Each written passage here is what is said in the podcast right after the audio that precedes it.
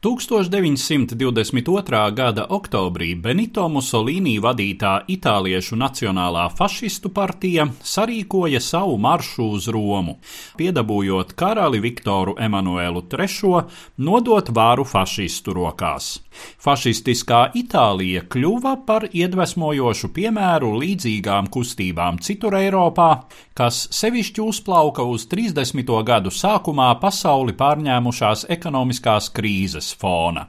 1933. gadā Vācijā pie varas nāca nacisti ar Adolfu Hitleru priekšgalā, 1934. gada sākumā šķita pienākusi Francijas kārta.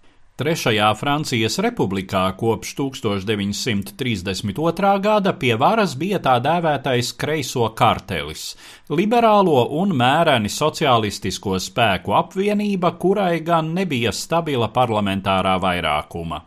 Valdības šūpoja arī regulāri skandāli, un viens tāds, tā sauktā Staviska lieta, uzpeldēja 1933. gada decembrī.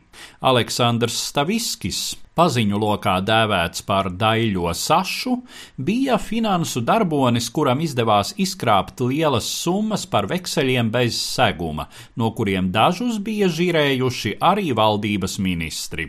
Staviskis tika atrasts miris, pašnāvības versijai daudzi neticēja, jo daļais saša bija visai daudz zinājis par premjera Kamila Šotāna valdības ķēķi.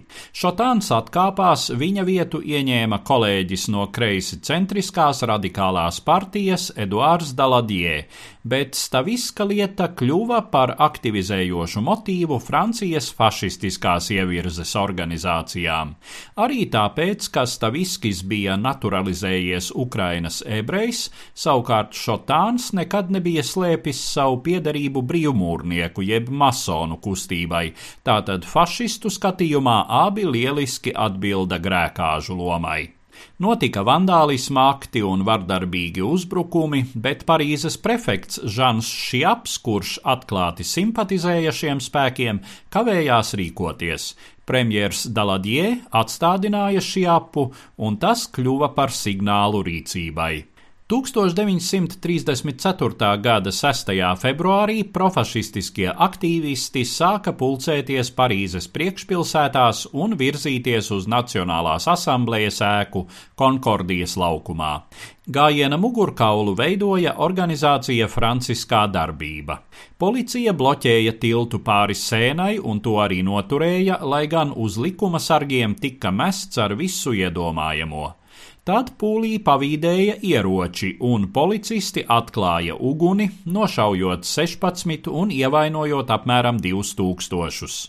Tikmēr no dienvidu puses Nacionālajai asamblējai pietuvojās organizācijas liesmu krusts dalībnieku ierindas.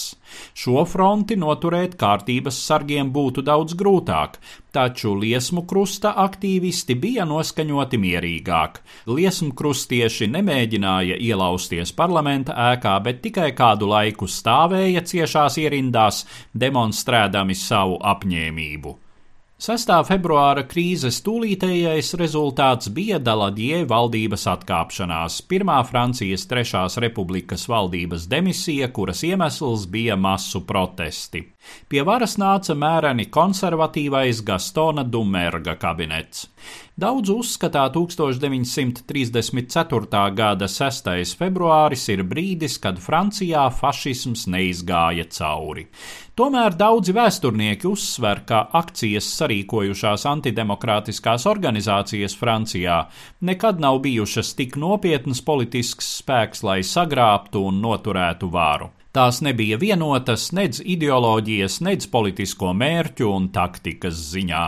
Tomēr 6. februāra krīzei bija tālējošas sekas Francijas politikā, kas vērtējamas lielākoties negatīvi.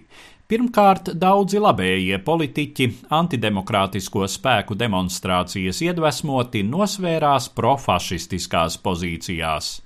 Otrkārt, šī krīze mudināja kreisi centriskos un mēreni kreisos saliedēties ar franču komunistiem, kuri savukārt atradās tiešā Staļina režīma kontrolē, un tas uz vairākām desmitgadēm palielināja Kremļa ietekmi Francijas politikā.